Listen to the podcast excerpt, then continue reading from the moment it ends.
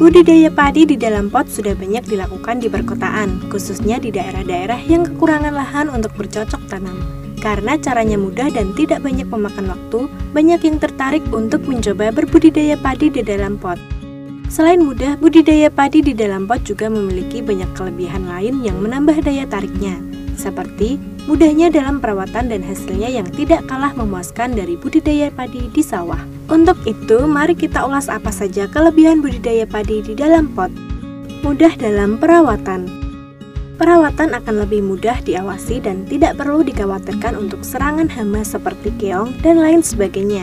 Karena media tanam yang digunakan berada dalam lingkungan yang dapat Anda lihat dan Anda awasi kapan saja Anda mau dan bisa. Dengan hal tersebut akan membuat tanaman padi yang Anda tanam dan rawat lebih terjaga kualitasnya bisa menjadi pelipur saat gundah.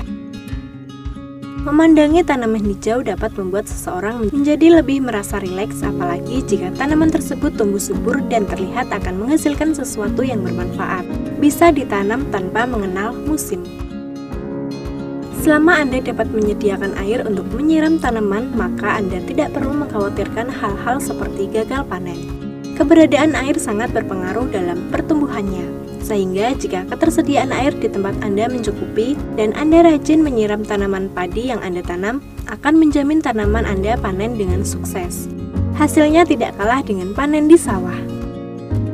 Panen padi di dalam pot hasilnya tidak kalah dengan panen padi di sawah selama padi tersebut mendapat sinar matahari yang cukup terutama ketika jam 9 hingga jam 11 pagi karena pada jam tersebut terjadi penyerbukan pada tanaman padi.